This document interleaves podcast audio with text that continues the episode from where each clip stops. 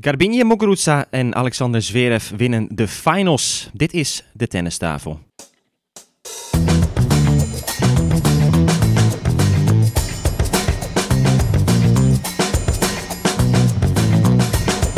Please take your seats quickly, ladies and gentlemen.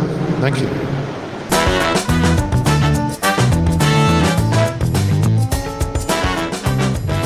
Nou, dat had ik ook kunnen doen. Ja, Zit ik vorige week helemaal te zweten over dat intro? ja. Het is wel even lekker dat jullie het eh, dit is een gelijk pakken. going through the motions eh, was deze. Ja. ja, maar het is ook wel een beetje zo. Ik zit er een beetje met een triest gevoel. Oh, Om, eh, om meerdere redenen. Maar dat, eh, dat komt straks allemaal wel. Maar ik zit er ook met een bijzonder gevoel. Want we zijn op bekend terrein deze week.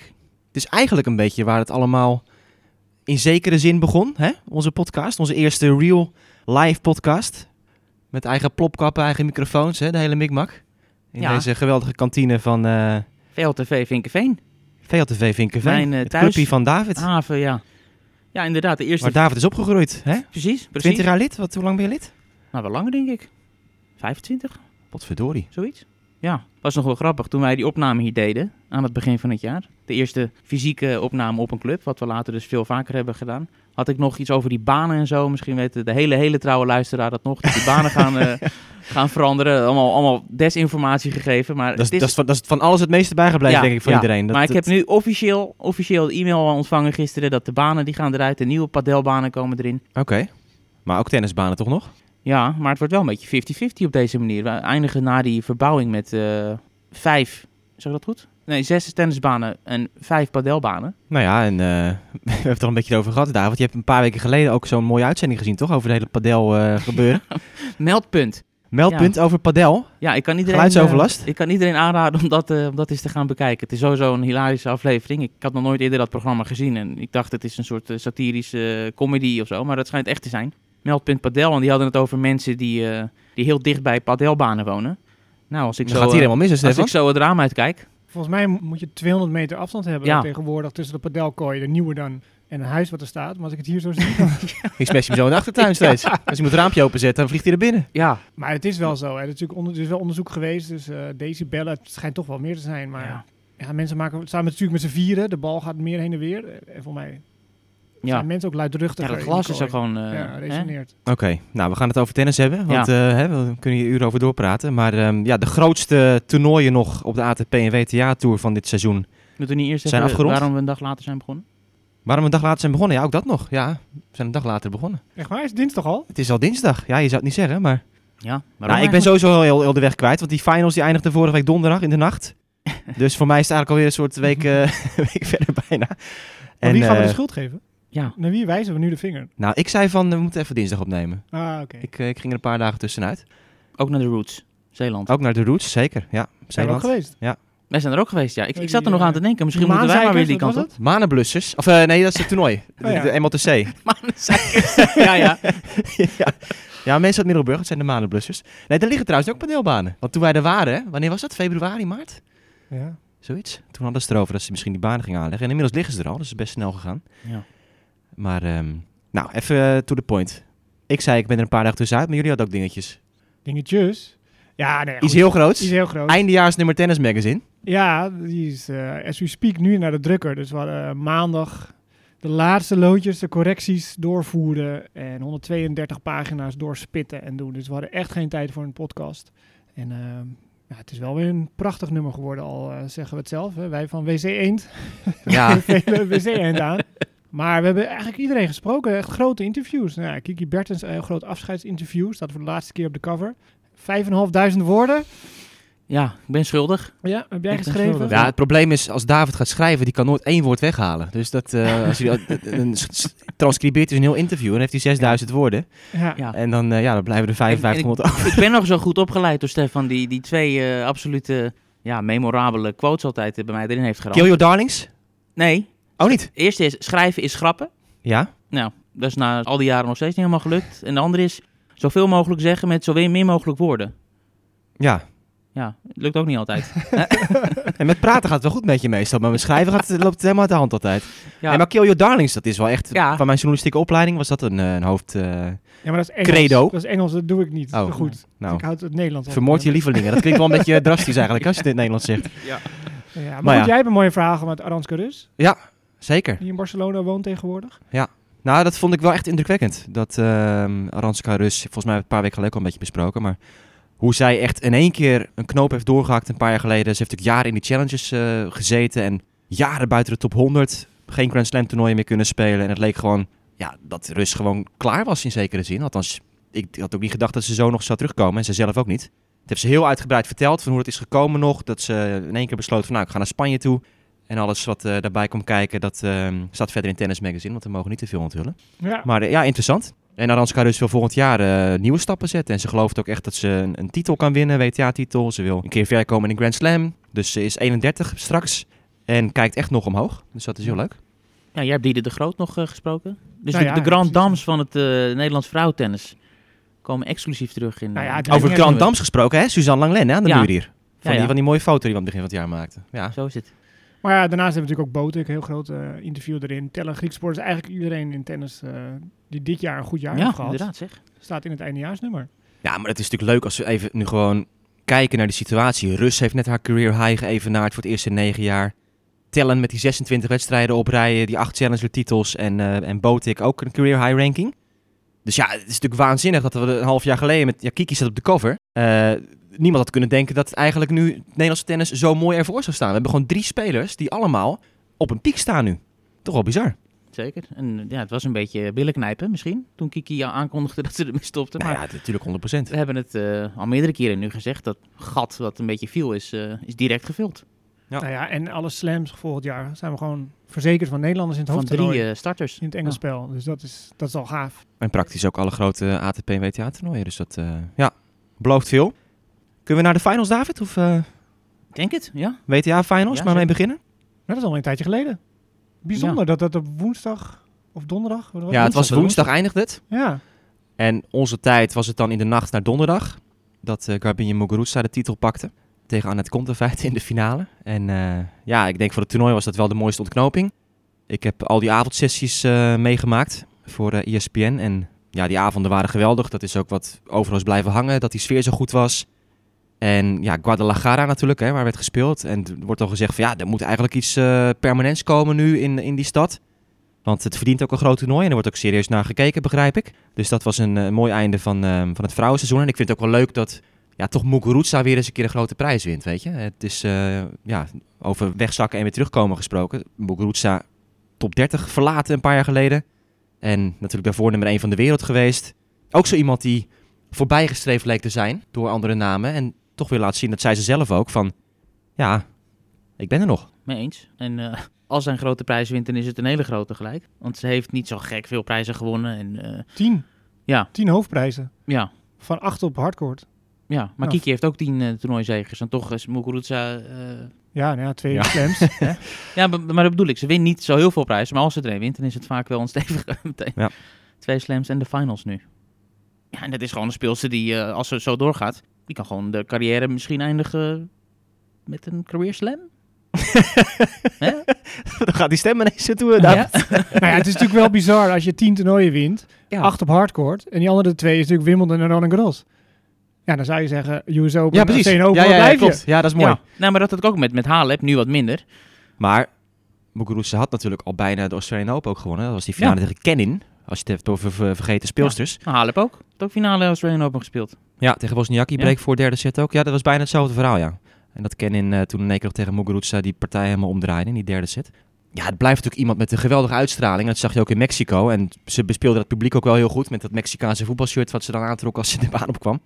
Dus dat deed het ook wel, eh, wel goed. Maar toch vind ik, heeft ze altijd nog wel een soort van blokkade of zo. Ik Ze vind vrij haar- koud. ja, ik denk niet dat het heel geliefd is bij de collega's, maar ook naar het publiek toe. Het is er wel, maar ja, of het oprecht, ja, het is misschien ook wel weer oprecht, maar ze komt het soms niet over op mij in ieder geval. Ze heeft zich nooit echt, echt opengesteld voor, eh, voor fans. En ze heeft ook nooit echt die, die handschoen opgepakt van... eh, ik wil het gezicht zijn, de kopvrouw van het vrouwentennis. Terwijl ze die uitstraling in feite wel heeft. Maar het is alsof ze dat, dat nooit heeft gedurfd of zo. Om ook zo naar buiten te treden, om zich uit te spreken. Om, om in interviews eh, interessant of boeiend te zijn. Het is altijd gewoon wantrouwig geweest een beetje. Jegens eh, media en zo ook. In plaats van open te zijn en, eh, en sympathiek. Af en toe schemert het wel door. Ja, maar ook in die Maar social media, als ze staat te dansen of zo doen. Ik weet niet, het is denk ik toch een beetje gekunsteld of zo, of gemaakt. Nou, ik denk niet- er juist anders over. Ik denk dat hij juist wel zo is van nature. Maar dat ze toch een soort angst heeft om daar vol voor te gaan in de media of zo. Ja, maar het is ook wel zo, en dan komen we wel terug op die, eh, die fase dat ze is weggezakt, dat zij toen ook wel een paar keer is neergemaaid. Ja. Een beetje in, eh, in persconferenties en in interviews. En dat, ze, ja, dat verbaast haar, weet je wel. Ze was natuurlijk inderdaad eerst die nieuwe it-girl, zeg maar, in het vrouwentennis. En, oh ja, alles is mooi en alles is positief. En toen in één keer ging het minder en dan, bam, eh, was ze ook in één keer gewoon, eh, was er kritiek en, en werd ze vergeten. En dat heeft er echt wel diep geraakt. Kan ik me nog wel een beetje herinneren uit het verleden. En ze heeft zelf ook een keer gezegd, aan het begin van een nieuw jaar, ik wil dit jaar wil ik meer open zijn in interviews en in persconferenties. Dus Ja. ook wel grappig dat ze dat heel open dan toch wel bespreekt. Maar dat komt er dan ook uiteindelijk toch weer niet uit of zo. Dus zij heeft gewoon muren opgetrokken voor zichzelf. En dat zie je natuurlijk ook wel, ook op de baan. En ehm, ik denk dat ze diep van binnen wel echt, echt heel gevoelig is. Alleen dat ze dat gewoon zichzelf beschermt Ja. ook in zekere zin of zo. Ja, waar anderen daar gewoon vrij makkelijk overheen kunnen stappen. Want iedereen wordt neergemaaid als die eh, niet goed presteert. Ja, is dat voor haar toch echt blijven hangen als iets waar ze niet eh, overheen komt? Of dat ze het toch niet aandurft? Nee, Ja. maar ik, ik vond dus wel daar in Mexico, zag je wel echt, dat was echt die pure connectie wel met het publiek, vond ik dan. Eh, ook wat het losmaakte qua vechtlust in haar, weet je wel. Dat is echt, dat van, ik moet het nu laten zien. En ook die woorden die ze sprak over Mexico, ik vond het wel echt oprecht overkomen. Die anekdote dat ze vertelde, ja, was bij de prijsuitreiking. Ehm, bij de US Open kwam Steve Simon naar me toe. Die zei, nou, misschien dat we de finals wel in Guadalajara kunnen houden. En dat ze gelijk van, oh ja, nou, dat zou echt, echt fantastisch zijn. En, en toen zag je ook hoe ze dat vertelde. Van, ze bloeide helemaal op van... Ze heeft daar echt die band met die mensen. Gewoon de Latijns-Amerikaanse sfeer en, en die connectie. En ja, dat vond ik wel echt oprecht. Dus dat vond ik wel een kant van Muguruza Mhm. dat ze wel gewoon heel open overkwam. Maar kijk, als hij slecht speelt, dan vind ik, is het ook echt slecht. Ja. En als hij goed speelt, is het ook echt onwijs goed. Ja, dan is eh Ja. Dus soms er niet te zit- houden. Nee, maar er zit niet heel veel tussen. Klopt. Zo weinig marge ook in het spel. Ja, dan kan je wel neermaaien. Maar als, als er veel verliest en Ja. dan gaat in je hoofd zitten, ja, dan is het ook echt wel matig hoor. Maar dat is ook wat haar typeert. Dat ze heel vaak vroegtijdig verliest. En als ze in het toernooi komt, dan wordt ze eigenlijk alleen maar beter. En dat zag je ook in die finals. Ze verloor de eerste wedstrijd, nipt. En stapsgewijs ging het niveau omhoog. Ja, en die finale was, was geweldig tegen Kontaveit. Dat was echt... Ze heeft twee keer van Kontaveit gewonnen in het toernooi. En eh, ja, volgens mij heeft Kontaveit vier potjes verloren in de laatste vier maanden. Twee tegen Muguruza. Ja, Vier of vijf wedstrijden verloren. En, ja. nou, en we moeten het natuurlijk over het dubbelspel hebben. Want ja, Demi Schuurs, die heeft een geweldig toernooi gedraaid daar. Halve finale gehaald. Verloren van de latere winnares Krejcikova Siniakova. En het leek even alsof ze de finale ging halen. Eerste set gewonnen en in een match tiebreak ging het net mis. Wel knap ook, omdat ze natuurlijk van tevoren had bekendgemaakt dat ze met Melliger en Martinez dat ze uit elkaar zouden gaan na dit toernooi. Ja. Dat was het laatste kunstje. Ja, bizar. Eh, Je hebt het al genoemd hè, vorige week in die aflevering. Het Kool-verhaal, dat zat er misschien een beetje aan te komen. En ja, Demi speelde, speelde goed. En zeker die eerste set, ja, alles lukte ook wel een beetje, moet ik zeggen, tegen Krejcikova en Siniakova. Maar het is eh, ja, zo'n match tiebreak. Bijna de grootste finale toch wel uit de carrière van Demi was dat geweest, als ze dat had gepakt. Halve finale had ze Australië gehaald en dit jaar. En een keer ook halve finale bij de finals, 2019. Alleen nu ehm, ja, zat het echt erin. En eh, wel weer een mooi einde van het jaar, want ze heeft de laatste maanden... Want zij heeft het bekendgemaakt trouwens, Demi, dat ze wilde stoppen met, eh met Melkar. Dat was eind augustus al. En toen ja, een beetje een mindere fase gehad en nu in één keer toch de draad weer zo opgepakt. Dus eh, mooi slotakkoord voor, eh voor Demi Schuurs. En, dat was dan wel grappig trouwens, want ik zat dus steeds die nachtdiensten commentaar te doen. En we deden de enkelspelwedstrijd commentaar en ook de dubbelspelwedstrijden altijd met Nederlands commentaar. Dus ik zat ergens halverwege die nacht en vijf, zes uur 's ochtends. Ik zie ineens een appje binnenkomen op mijn telefoon. eh, de Demi, ehm, ja, eh, doe jij commentaar bij alle wedstrijden? En ik dacht even dat het een andere Demi was. Dus ik antwoordde van, hey, wat doe jij nou op op dit uur? eh, weet je, dit gekke tijdstip.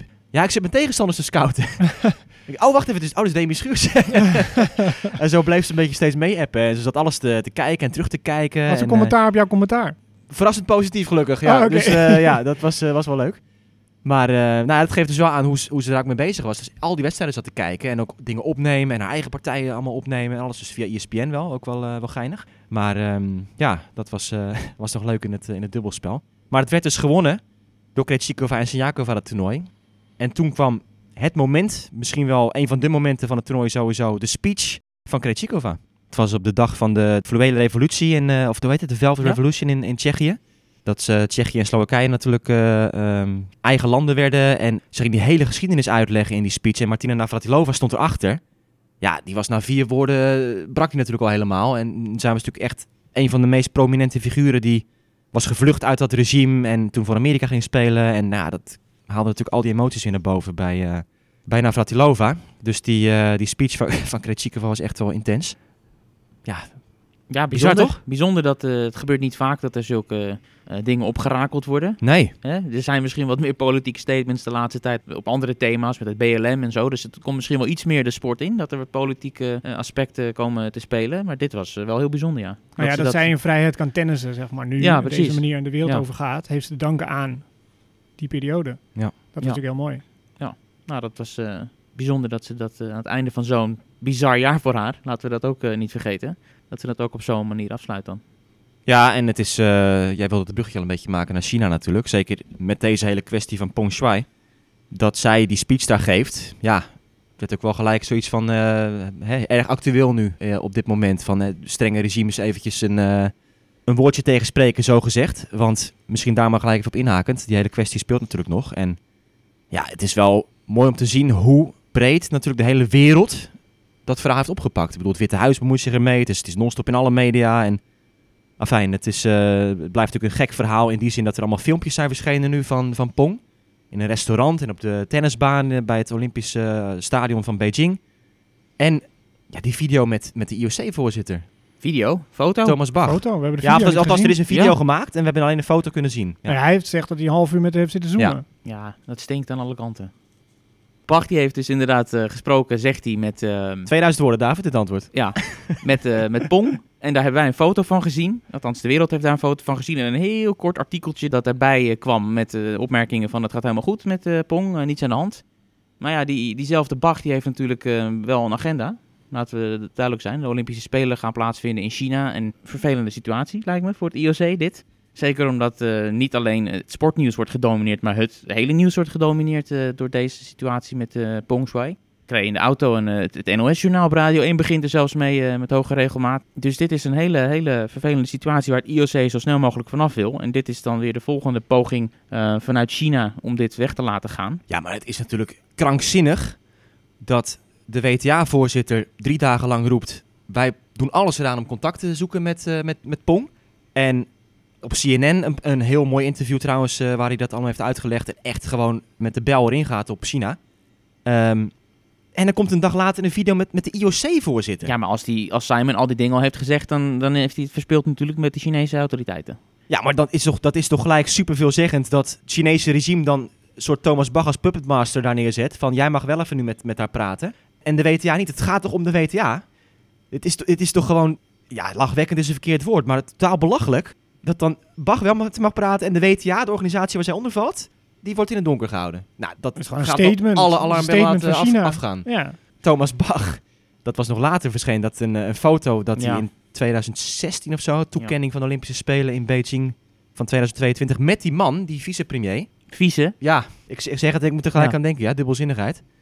Die persoon, die dus door Pong wordt beschuldigd van eh, seksueel misbruik. Met hem staat hij op de foto van, hè, handshake van, nou, we hebben het geregeld, die deal. En ja, oké, dat is natuurlijk makkelijk om dan nu te zeggen, oh, wat eh, slecht of zo. Maar goed, dat wist natuurlijk die tijd nog niet, dat, die man het had gedaan. Alleen het geeft natuurlijk wel aan van, ja, eh, het IOC wil de Olympische Spelen behouden in Beijing. China voert natuurlijk druk op waarschijnlijk van, eh, jongens, strijk het even glad, die situatie. En we moeten dat gewoon allemaal fixen. Maar goed, het is natuurlijk gewoon, je, wordt er, je wordt er alleen maar zenuwachtiger van eigenlijk. Van wat is nou echt de situatie? Nou ja, het sterke vind ik van de WTA is dat ze zeggen: dit gaat niet om geld, dit gaat niet om business, dit gaat om mensen en mensenleven, zeg maar. Dus als wij weg moeten uit China, of, hè, dat gaat om miljoenen deals die er zitten met al die toernooien en zo. Maakt niet uit. Het gaat om haar en, en op vrouwenrechten in het algemeen en die opgestaan tegen deze problematiek.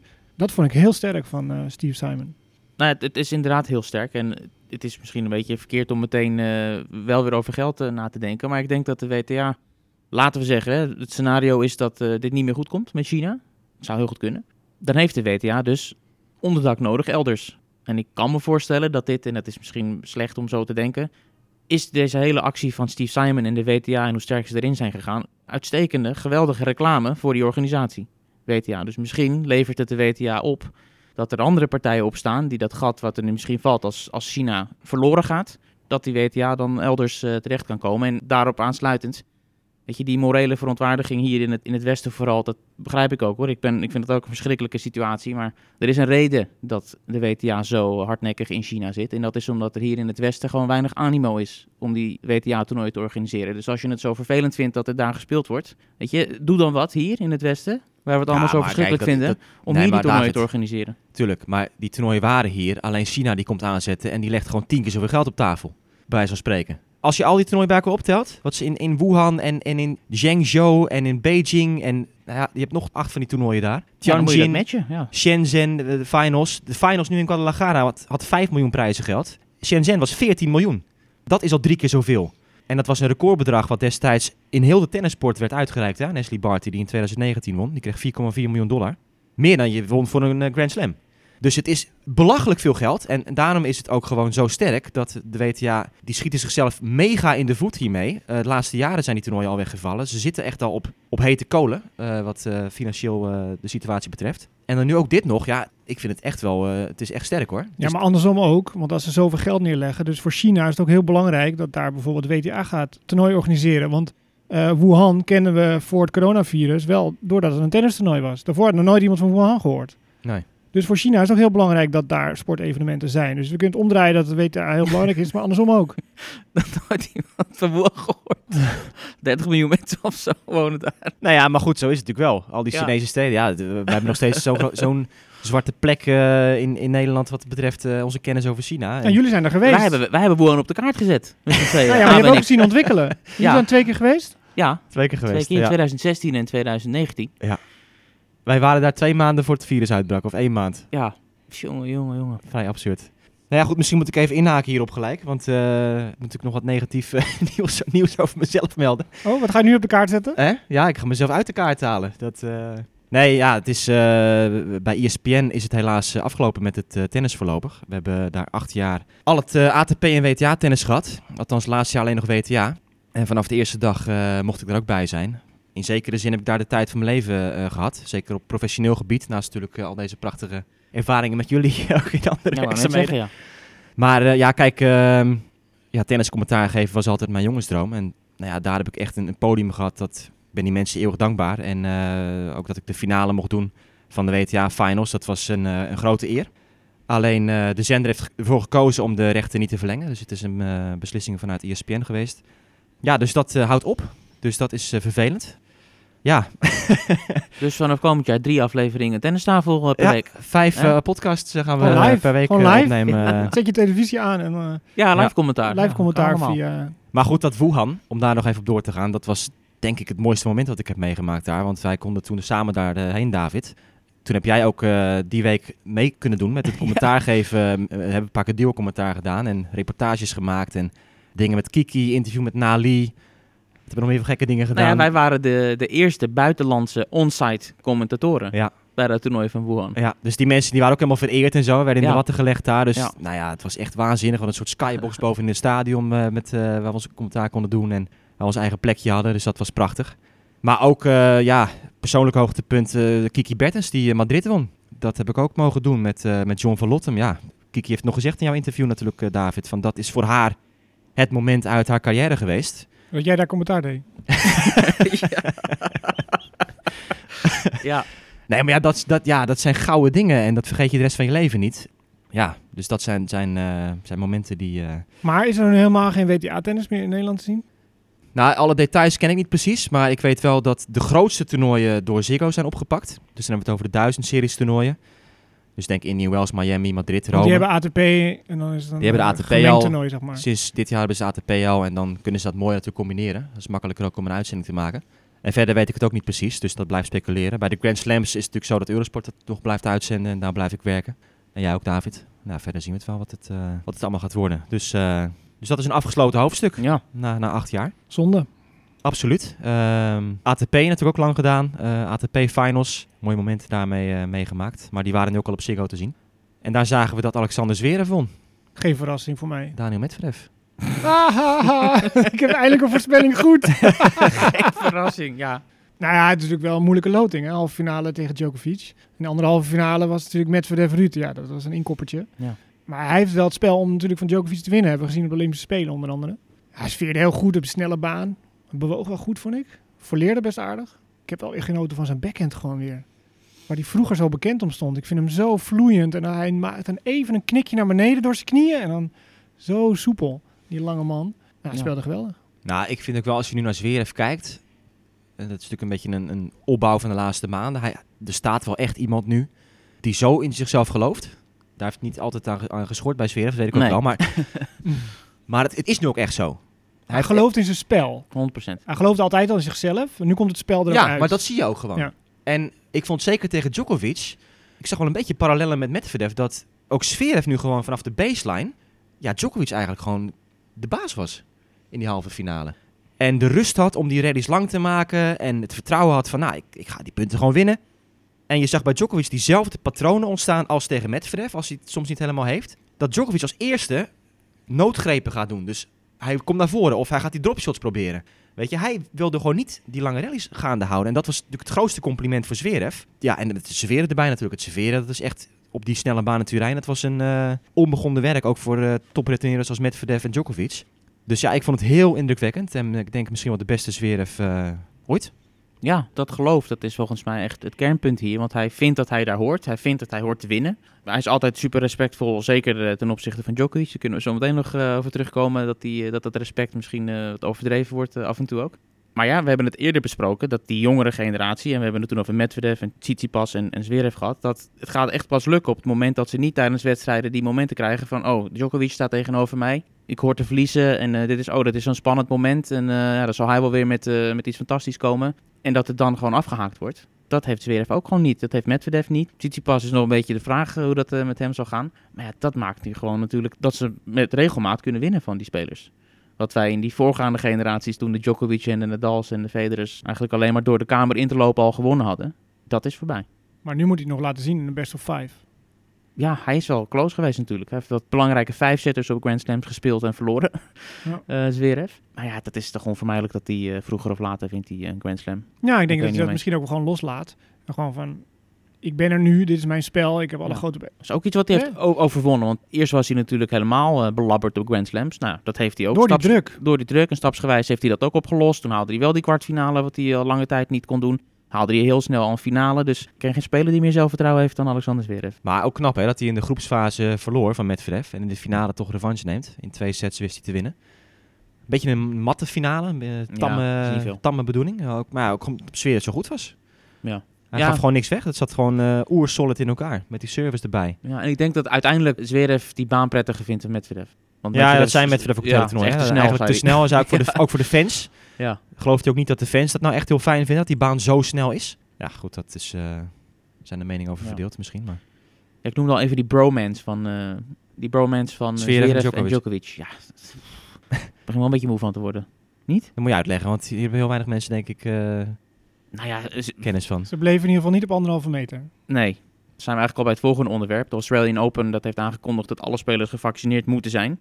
Nou, ja, Djokovic is een beroemde eh nou ja, antivaxer. Ja, Althans, hij iemand- blijft op de vlakte. Hij blijft op de vlakte. Dit, Hij- dit, Hij wil het niet zeggen, hè? of Precies. hij wel of niet eh, gevaccineerd is. Ik denk dat we aan kunnen nemen dat hij niet gevaccineerd is. Hij heeft ook gezegd, ik weet nog niet zeker of ik daarheen ga. We gaan het allemaal aankijken.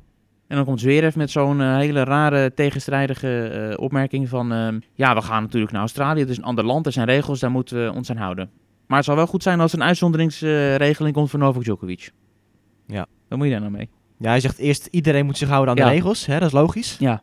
Maar het zou leuk zijn als voor Djokovic misschien iets geregeld kan worden. Ja. dat is te gek voor woorden. En dan eh, een dag later, nadat Zverev dan die, die ATP Finals wint... Djokovic met een tweetje, oh, Zverev, een geweldige gozer en ik een moeilijke tijd gehad op en eh, naast de baan. En eh, echt een geweldige vent. ja, Ja, opvallend inderdaad. moeilijke Beetje, te, tijd. beetje eh, tenen krommend. Als je natuurlijk weet met die beschuldigingen van zijn, eh, zijn misbruik. Van zijn ex-vriendin. Ja. Dat je dan zo daar vol achter schaart. Als Djokovic zijnde, achter, achter Zverev. Nou ja, hij is Ja. onschuldig nog. Ja, maar het- Nee, er, is loopt, er loopt een onderzoek naar. Ja, dus Ik zeg ook niet dat hij, eh, dat hij moet zeggen van het is een eh, misbruiker of zo. Maar je hoeft ook niet alles uit de kast te trekken om, om de andere kant op te schieten. Je kan het gewoon laten. Je hoeft er niet zo overdreven te doen. Nee, maar dat vind ik sowieso met alle Instagram-posts van hoe geweldig de ander is. En dankjewel voor alle samenwerking en zo, weet je. Vertel het in iemand zo rechts in zijn gezicht. Ga dat niet... eh, Ja, ja, dat vind ik allemaal zo voor de bühne. Maar Kyrgios ook gezegd van... ja dat, belachelijk dat iedereen gevaccineerd moet zijn. of we moeten gewoon Australian Open afschaffen volgend jaar. steunt ook Djokovic daarin wel weer. Ja, dat is een uniek. Zou ik niet verwachten. Ja. Gebeurt niet vaak dat uh, Kyrgios in de bres springt. Maar goed, de tijd dringt, hè. Mocht hij nog twee prikjes willen halen. Half januari Ja, staat de uh, Jansen. open. eh. en als je dan met de kerst naar Australië wil reizen voor nog een voorbereidingstoernooi. Ja, het is een maandje. Ja, het is wel bekend inderdaad inmiddels dus dat Australian Open eh, gespeeld wordt op de normale data, hè, voor de duidelijkheid. Met ook de toernooien in aanloop daar naartoe. Er zijn een paar evenementen in Adelaide aangekondigd. Dus we krijgen een, een, een normale Australische tenniszomer in zekere zin. Nog niet die hele kalender is volgens mij eh, af. Maar het is niet meer zoals dit jaar dat het is uitgesteld met een aantal weken. En eh, ja, de 100% fans hè, mogen erbij zijn in Australië, ook dat. Dus dat zijn allemaal mooie, mooie tekenen. Er is weer een nieuw stadion ook gebouwd daar. Het is ongelooflijk dat Melbourne Park, het wordt elk jaar nog steeds eh, groter en mooier. Dus ja, Craig Tiley, die, eh, die baas daar in, eh, bij Tennis Australia, die is er alweer vol mee bezig. En ja, het aftellen is begonnen. ja. Dat duurt nog eventjes. Ander nieuws. De toiletpauzes worden aangepakt. Ja, daar maak jij altijd zo druk om, hè? Ja, ik eh, doop het al om tot de Tsitsipas-regel, toch? Ja, Eén keer nog per wedstrijd, hè, mag het. Drie minuten maximaal en vijf minuten als je je gaat omkleden. ja. Maar de tijd gaat pas in op het moment dat je bij het toilet bent aangekomen. Net zoals met medical timeouts.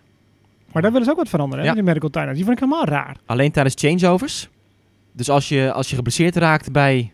Nu 15-0. 2-1, ga je door 15-0. enkel. Ja. Dan moet je wachten tot 3-2, of ja 4-1, om je te laten behandelen. En als je zegt, nou ik moet nu echt behandeld worden, dan verlies je al die punten. ja. Tot 4-1. Ja. dat is ingrijpend. Ja, Jij is wel- het raar, ja. Nou ja, er wordt er zoveel gefaked dan.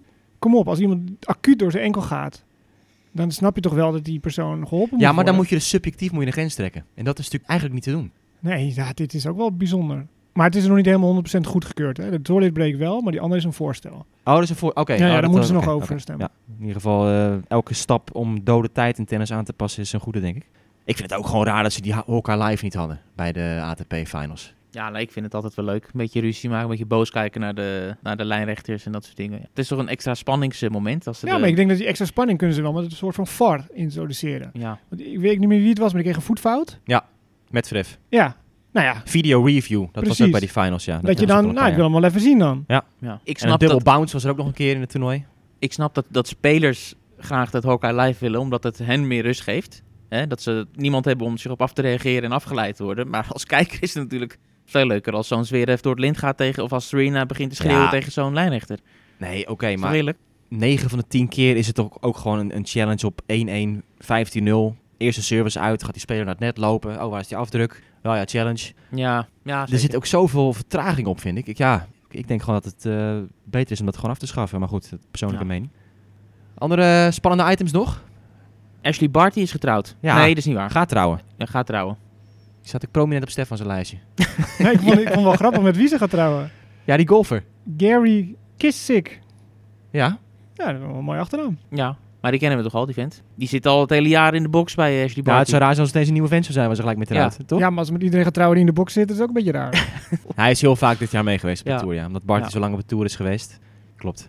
Ja. Gary. En de nieuwe ratings zijn uit, jongens. De nieuwe ratings zijn uit. Ja, dat was een dingetje natuurlijk in Nederland tennisland. Ja, Iedereen Oh, heeft een nieuwe rating gekregen. Zijn we tevreden? ik durf niet te kijken. ik, ik kijk alleen naar mijn padelrating, dus eh, de rest... eh, Oh, maakt oh het. P-woord, daar is hij weer. Maar ik heb al twee jaar geen officiële wedstrijd voor mij gespeeld. Dus eh, ja. Nee. wat dat betreft... Ik heb er één gespeeld. Ik heb 6-0, 6-1 verloren. Oh ja. Oeh, dat is hard. Maar dat is de enige wedstrijd die ik dit jaar gespeeld heb. Daarmee Nou, gestopt. Ja. nou ja, moeten we naar de Davis Cup Finals. Davis Cup Finals, ja. Als we weer We gaan lekker tot gaan. eh, december doortennissen. Drie steden dit jaar. Je Ja, hebt de vorige meegemaakt, de eerste editie van de Finals in Madrid. ja, dat was net, zo koud, dat was net zo koud als Innsbruck Ja, toen ik er was. nou, het is wel een beetje wennen hier. We zitten nu in... eh, oh nee, je gaat er niet heen.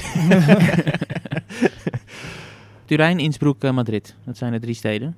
Ja, en in En, eh, Innsbruck is geen publiek erbij. Ze hebben een kale hal. En terwijl daar Servië speelt, Oostenrijk, Duitsland in één pool, Ja. zonder publiek.